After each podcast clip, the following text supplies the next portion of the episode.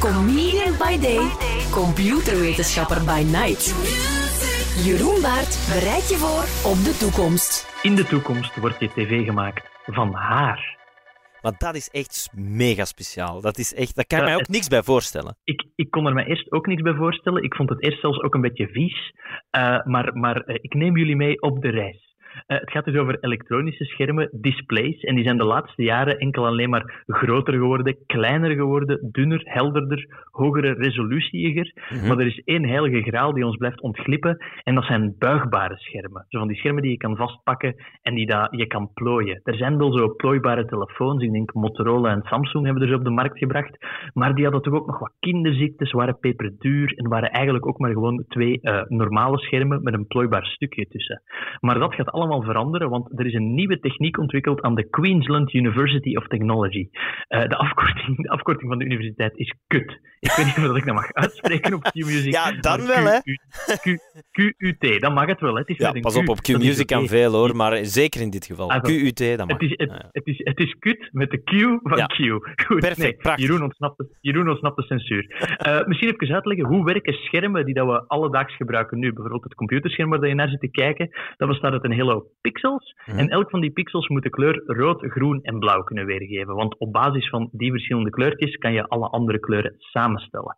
Wat is die onderzoeksgroep aan de Queensland University of Technology? Ik ga het eh, acroniem niet meer herhalen, nu gelukt. Die is het gelukt om kleine stukjes menselijk haar om te vormen tot koolstof nanodots. Dat zijn veel dure woorden in een zin, maar dus kleine stukjes, kleine stukjes, mini, mini, mini, eh, een miljoenste van een millimeter groot, die daar, als je er een stroom eh, doorjaagt, dus een elektrische spanning, dan veranderen die van kleur en geven die licht af. Nu, waarom hebben die dat in godsnaam samengefabriceerd uit menselijk haar?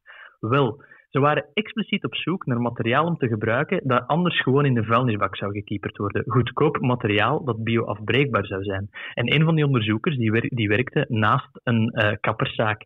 En eh, ja, dat is veel goedkoper, want, want zo'n zo scherm maken uit peperdure kristallen of edelmetalen, dat is niet duurzaam natuurlijk, dan loopt de prijs al snel op. Dus ze nemen dat haar van bij die kapper, ze bakken dat op 250 graden in een speciaal chemisch proces en op het einde blijven die nanodots over. Dus als je er stroom doorjaagt, komt er licht en een kleur uit.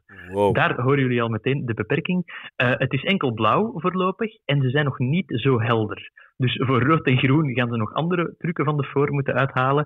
En ze zijn nog niet zo helder, maar het is dus wel een plooibare structuur. En de onderzoekers zeggen van ja, kijk, dit zou je bijvoorbeeld al kunnen toepassen in eh, bijvoorbeeld een pul met een klein schermpje op de mouw die je weergeeft eh, je laatste sms of welke muziek dat er aan het spelen is. Want de schermen zijn heel goedkoop. Het, het, het, dat is een beetje het punt. Die schermen zijn zo goedkoop dat je ze op van alles kan beginnen implementeren, eh, want ze kosten eigenlijk nagenoeg niets. Eh, bijvoorbeeld ook wat als ze zeggen, stel dat je een bus melk in de winkel koopt en je wilt weten of die melk nog goed is, een kleine sensor in de melk en een klein schermpje aan de buitenkant van de melk, kan je die uit de koelkast halen en kan je zien van oké, deze kan ik nog drie dagen gebruiken voor het echt niet meer oké is.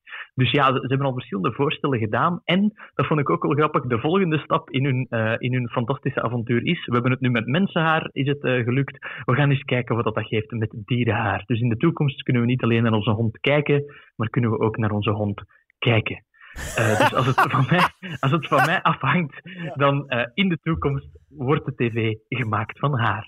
Dankjewel Jeroen Baart, tot de volgende. Heel graag gedaan, tot de volgende. Luister elke werkdag tussen 4 en 7 naar Maarten en Dorothee. Volgende dinsdag bereidt Jeroen Baart je opnieuw voor op de toekomst. Q sounds better.